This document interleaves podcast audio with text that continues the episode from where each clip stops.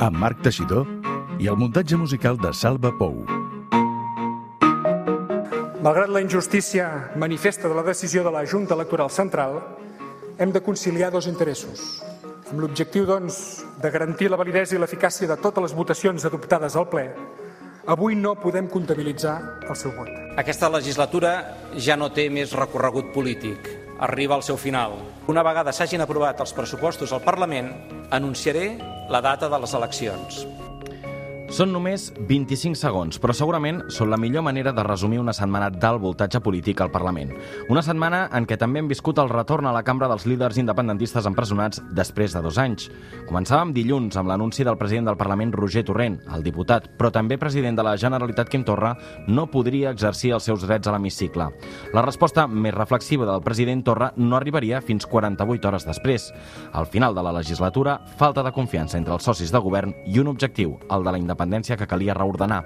Això sí, pensant en el país, Quim Torra anuncia que abans de cridar els això sí, pensant en el país, Quim Torra anuncia que abans de cridar els catalans i les catalanes a les urnes, el Parlament ha d'aprovar els pressupostos, que ja han començat el seu recorregut parlamentari.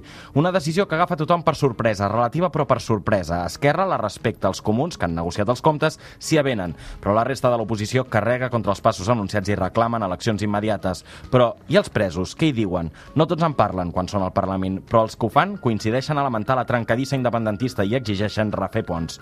Corredisses, reunions, gestos, dies en què la política i els tecnicismes agafen molta volada i enmig de tot plegat un oasi per alguns que arriba des de Lledoners i Puig de les Basses. Benvinguts a l'Hemicicle.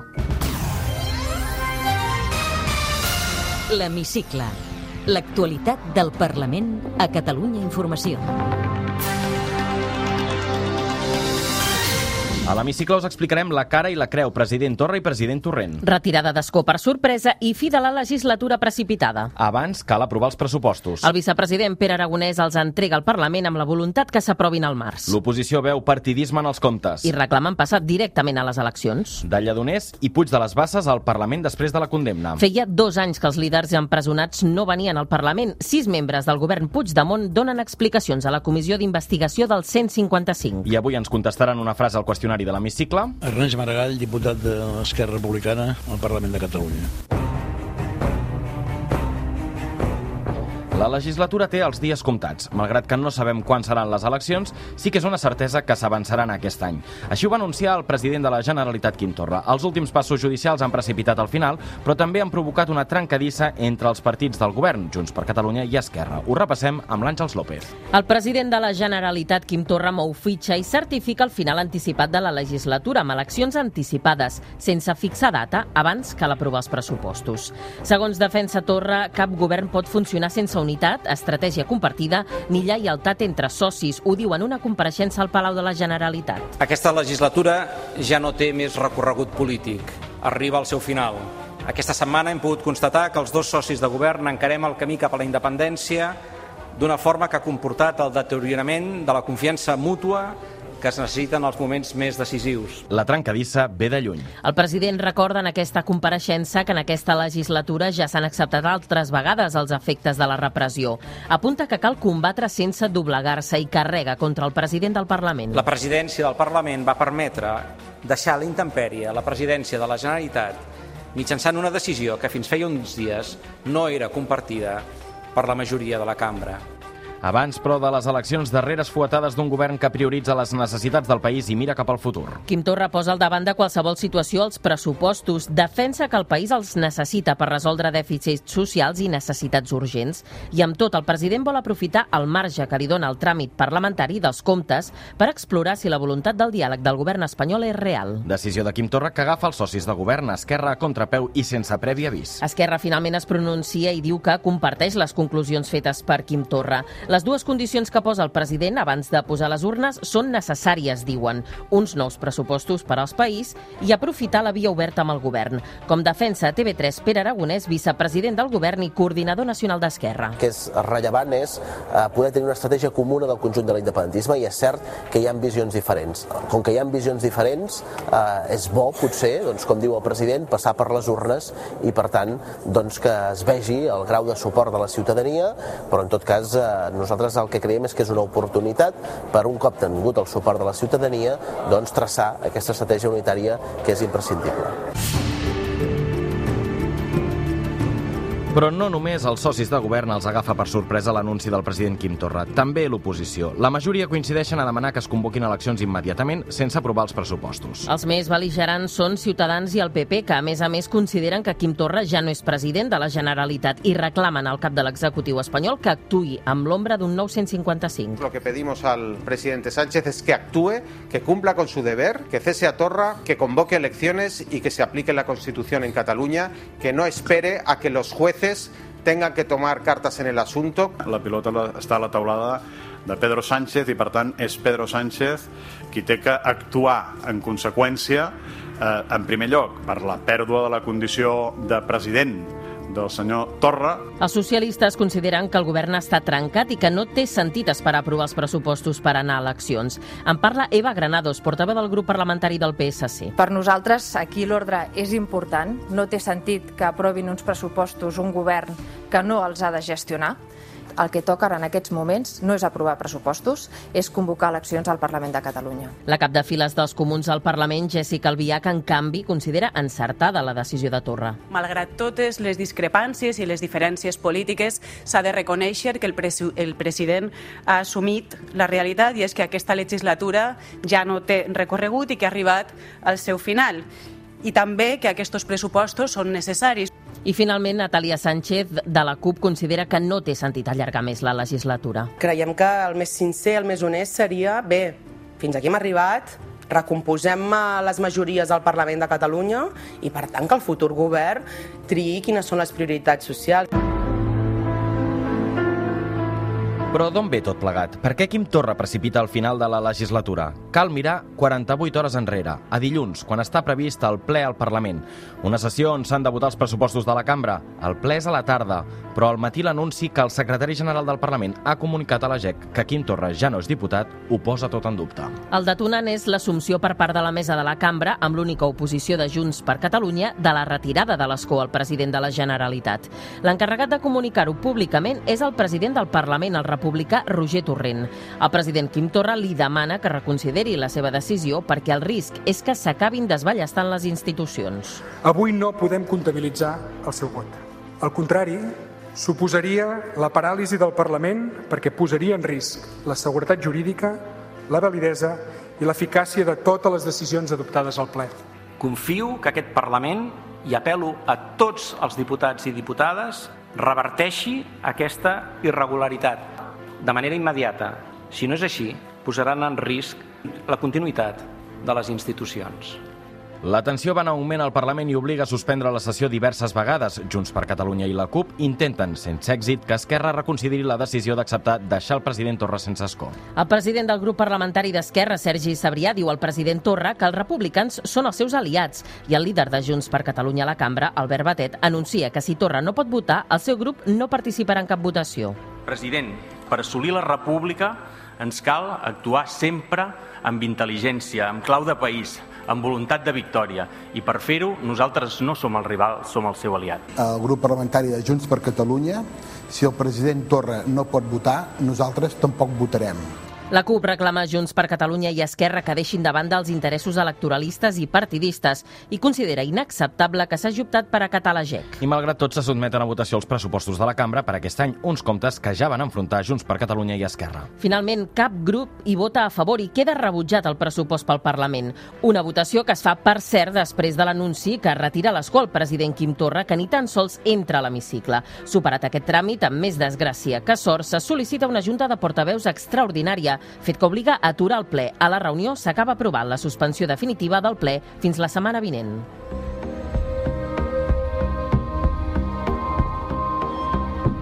La tensió evident entre la bancada independentista no fa que l'oposició sigui més pacificadora i la intervenció de Ciutadans encara fa pujar més el to, fins al punt que el president del Parlament crida l'ordre a la portaveu taronja Lorena Roldán i a tot el seu grup. Roldán qualifica Quim Torra de delinqüent. És aquí quan Roger Torrent l'adverteix fins a dues vegades i finalment suspèn el ple temporalment.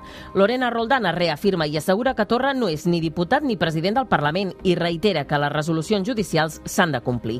Tilla de delinqüent al president i els seus companys i companyes la segueixen. Mire, senyor Senyor Torrent, una persona que ha estat jutjada i condemnada per un fet tipificat al Codi Penal és un delinqüent amb totes les lletres. Un delinqüent, sí senyor. Crido l'ordre sí, per segona vegada. Sí. Senyor Roldán, crido l'ordre a tot el seu grup parlamentari. Si no deixen de proferir calúmnies d'aquesta manera, em veuré obligat a suspendre el ple. Finalment, l'aturada només dura 5 minuts i a la represa, Miquel Iceta del PSC diu que Torra no és diputat, però sí president de la Generalitat, però assegura que la situació és insostenible. Vostè, més que ningú, està en condicions d'avaluar si val la pena seguir en aquestes condicions o val la pena tornar a aquella voluntat popular a la que vostè apel·lava. Qui ha d'aprofitar o no la possibilitat de diàleg oberta en aquests moments?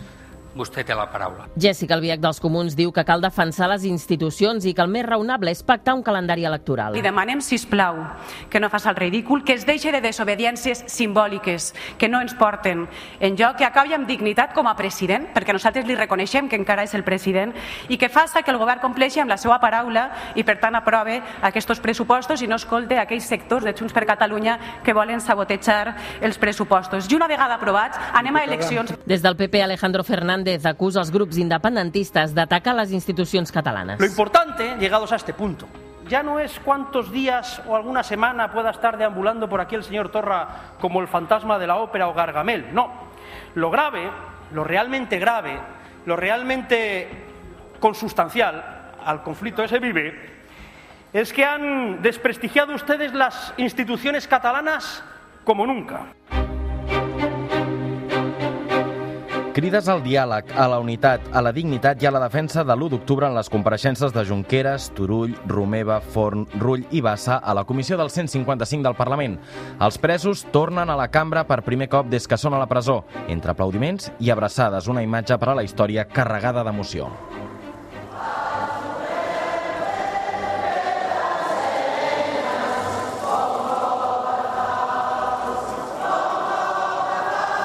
I quan han marxat per tornar a la presó els han acomiadat cantant els segadors. Gairebé 12 hores d'intervenció a la comissió del 155, on han parlat dels efectes de la intervenció de l'Estat, però també de política. Aquells que van ser més protagonistes del 155, aquells que més van repetir que ens havien escapçat, ja no hi són.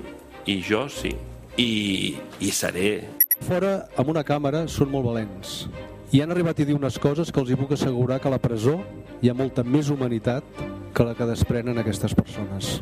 Si ells creien que això ens atemoriria, ens acobardiria, ens tancarien les nostres closques, el que han aconseguit és que siguem més forts i més serens que mai.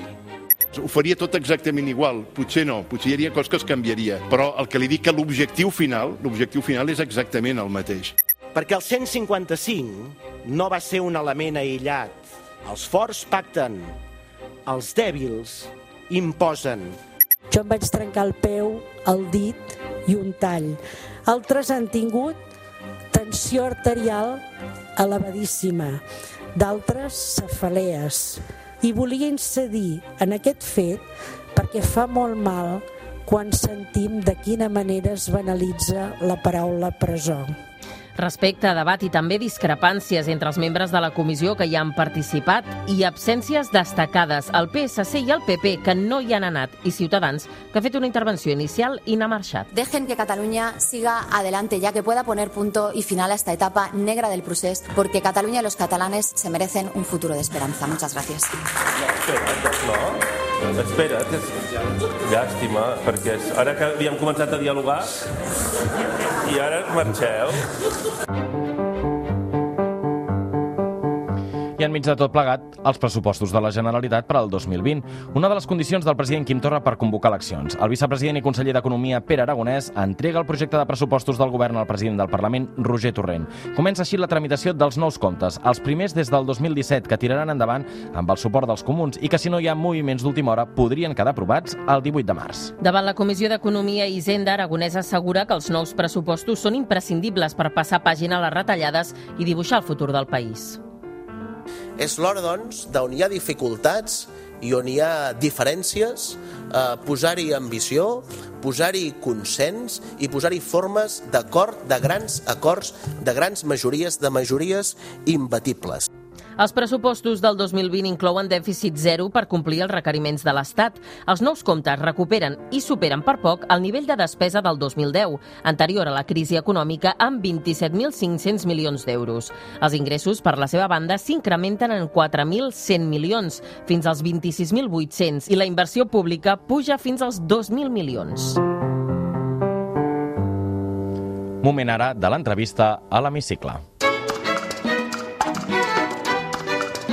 Té la paraula. Ernest Maragall, diputat de l'Esquerra Republicana al Parlament de Catalunya. El president ha donat la legislatura per acabada un cop aprovats els pressupostos. És l'opció que vostè també hauria triat? Aprovem els pressupostos, que encara hi ha, encara hi ha feina per davant, i en aquell moment el president tindrà, té, les té ara i les tindrà aleshores amb tota la capacitat i la responsabilitat per prendre la decisió que considerem millor jo crec que hem de, hem de veure com van aquests mesos, hem de veure com avança la mesa de diàleg i, hem de, i el president sabrà valorar jo crec que en positiu el fet de que ara tenim, tenim govern actiu, tenim president ell mateix, eh, que l'hem protegit i mantingut com a tal, tenim eh, la, la possibilitat d'encetar les dues grans peces del país d'aquest moment, el pressupost, la governació i la mesa de diàleg que, que estem salvant també tots plegats. Retirar l'escó, sabien que ens portaria fins aquí? Jo crec que estem eh, on l'escenari continuat de repressió i de persecució judicial, policial de l'Estat ens, ens, ens defineix, no? ens permet. És una constatació terrible, però també és una constatació de com hem d'anar trobant i, i salvant els moments i salvant les circumstàncies i, el, i és el que estem fent. D'alguna manera podríem dir que avui tenim president gràcies a fer el que hem fet i gràcies a les decisions que hem pres i que tenim majoria en el Parlament, que és la que calia protegir, i que tenim possibilitat de tirar endavant el país des de, en aquest sentit de la governació amb els pressupostos i que tenim la possibilitat, per fi, d'obrir un diàleg d'igual a igual amb l'Estat, guanyat a pols amb, els, amb el nostre vot democràtic. De manera que és, és aquí on som i és això el que, el que hem de valorar en primer terme. La unitat de l'independentisme és cosa del passat o creu que encara hi és? La unitat de l'independentisme sobretot hi ha de ser, hi ha de ser per als aspectes eh, que, ens, que, ens han de, en fi, que ens han de plegar en la mateixa lluita, que ens han de definir objectius immediats Ara tenim, un, jo crec, una estratègia prou definida. Les decisions del president Torra també d'alguna manera confirmen aquesta estratègia. És a dir, eh, governació, pressupost i diàleg. I diàleg a fons, diàleg que ell mateix començarà la setmana que ve. I jo crec que a partir d'aquí ara hem d'estar més junts que mai, el conjunt de l'independentisme, per definir correctament l'agenda d'aquesta mesa de diàleg, què hi posarem, en el sentit de, de la gent, de, de l'ordre del dia concret, de les reunions d'aquesta mesa, però també en els com se'n derivaran, de com en tractem, de, com, de quins, eh, quins plantejaments estem disposats a admetre, de com responen els plantejaments que ens faci l'Estat, que encara no ha fet cap. Eh? Eh, aquesta és una primera exigència. No? Sabem, nosaltres hem dit molt clarament el què, però l'Estat encara no ha dit res. No? I hem d'anar junts amb aquesta mesa i hem d'anar amb tota la serenitat, però també amb tota la fermesa. Per tant, escoltant-lo, crec que vostè no creu que s'hagin trencat ponts amb Junts per Catalunya. Crec que s'han evidenciat diferències concretes de, de, de com avançar de com fer front a una determinada situació, bàsicament sempre, o quasi sempre, en qüestions relacionades a com responem a l'agressió, a la repressió, a la persecució judicial, a l'acció de les diferents instàncies de l'Estat que des de fa ja més de dos anys no han cessat de perseguir-nos i de tractar de, de desmuntar-nos i de dividir-nos. Però malgrat aquestes diferències l'independentisme no està dividit profundament i el més important és que no està dividit socialment que és el que ens, eh, que ens fa forts i és el que ara hem de ser capaços les forces polítiques de respondre en aquesta unitat social de fons amb la que, en la que coneixem que, i que hem de fer que hem de saber respectar. El gran dilema de l'independentisme ha de ser obediència desobediència? Eh, jo crec que la desobediència és una eina més eh, que hem de considerar en el moment que toqui i en la, en la forma que toqui em sembla que aquests, tots aquests episodis també posen de manifest fins a quin punt la desobediència que compta és aquella que acordem tots plegats, la desobediència, especialment la desobediència col·lectiva, social i institucional, per fer front o per desbordar o per eh, deturar una determinada eh, actuació de l'Estat i que és aquesta la que té sentit eh? I, i per tant que no, no hi ha, és un fals dilema la desobediència sí, la que toca quan toca en la forma que toca eh? Què li va passar pel cap quan va veure els presos entrar al Parlament? doncs una barreja molt intensa d'emocions i, de, i de sentiments contradictoris no? d'una banda per l'absurd de la situació eh? veure'ls per no poder-los pràcticament abraçar o en tot cas molt instantàniament veure'ls i escoltar-los amb una successiva i potentíssima lliçó de, de dignitat i de responsabilitat també Uh, és una de les característiques del moment i del que han de definir aquesta unitat del que vostè parlava abans. Els presoners i els exiliats també ens envien, eh, cadascú des del seu punt de vista, missatges en aquest sentit, eh? manteniment d'una concepció estratègica compartida i especialment manteniment del concepte de diàleg com a eina bàsica d'avenç el diàleg acompanyat d'un esforç sistemàtic per ampliar la nostra convicció majoritària, per ampliar el suport social del que ara, del que ara té l'independentisme. Eh? Hem d'anar més enllà i això ho hem de fer des de la governació i des de també la, la, la demostració de responsabilitat en tots i cada un d'aquests terrenys, començant pel del pressupost. Eh? Respongui amb una paraula o una frase, si pot, aquestes qüestions. Amb la crisi climàtica cal... Actuar, prendre decisions. La pobresa energètica és és insuportable, inacceptable i, eh, i exigent en, en la presa de mesures com, compensatòries i de protecció. Quina llei li agradaria aprovar? La de, la de la Constitució catalana. Per què va decidir dedicar-se a la política? En el primer moment per pura, per pur instint de supervivència democràtica, per conquerir la democràcia que no teníem. A què es dedicarà quan la deixi? A viure. Fa autocrítica? Sí, sempre. és, és, és la, la llista de, de preguntes que un es fa un mateix és infinita i la d'errors que creu detectar en l'actuació i en les decisions igualment llarga. Té una vocació frustrada? Potser d'entrenador d'algun esport. L'esport m'agrada molt eh, haver pogut, eh, diguéssim, eh, portar algun equip de... No, no només de futbol, de, potser d'altres coses també. Té mútua o de la sanitat pública? Eh, jo ara he estat d'anys amb mútua, però estic a la sanitat pública. Pis de lloguer o de propietat? Visc a un pis de lloguer i tinc alguna propietat. Una música que l'identifiqui. Uh, Kate Jarrett. Un paisatge favorit. Uh, el Baix Empordà i la Cerdanya. Quin estil literari li és més agraït per llegir? Home, sempre ha sigut uh, la novel·la, en aquests moments, no sé si irremediablement o no, més aviat l'assaig. Amb què es posa content? Veient els meus nets. Què li fa por? Que la vida ens dugui horrors i, uh, com els que estem veient uh, arreu de l'univers d'una manera tan frapant amb quin diputat o diputada d'un altre partit té pendent fer un cafè? Diputat o diputada d'un altre partit. Eh, molts cafès amb molts diputats he tingut pendent amb la Natàlia Sánchez de la CUP. M'agradaria tenir-ne amb molts altres, amb molts altres diputats. Completi la frase. El que més m'agradaria? Defensar correctament els interessos de la ciutadania de Catalunya. Moltes gràcies. A vostès. Tornar a escoltar l'Hemicicle al web catradio.cat barra hemicicle o al podcast del programa i seguir l'actualitat del Parlament al perfil de Twitter arroba L-hemicicle.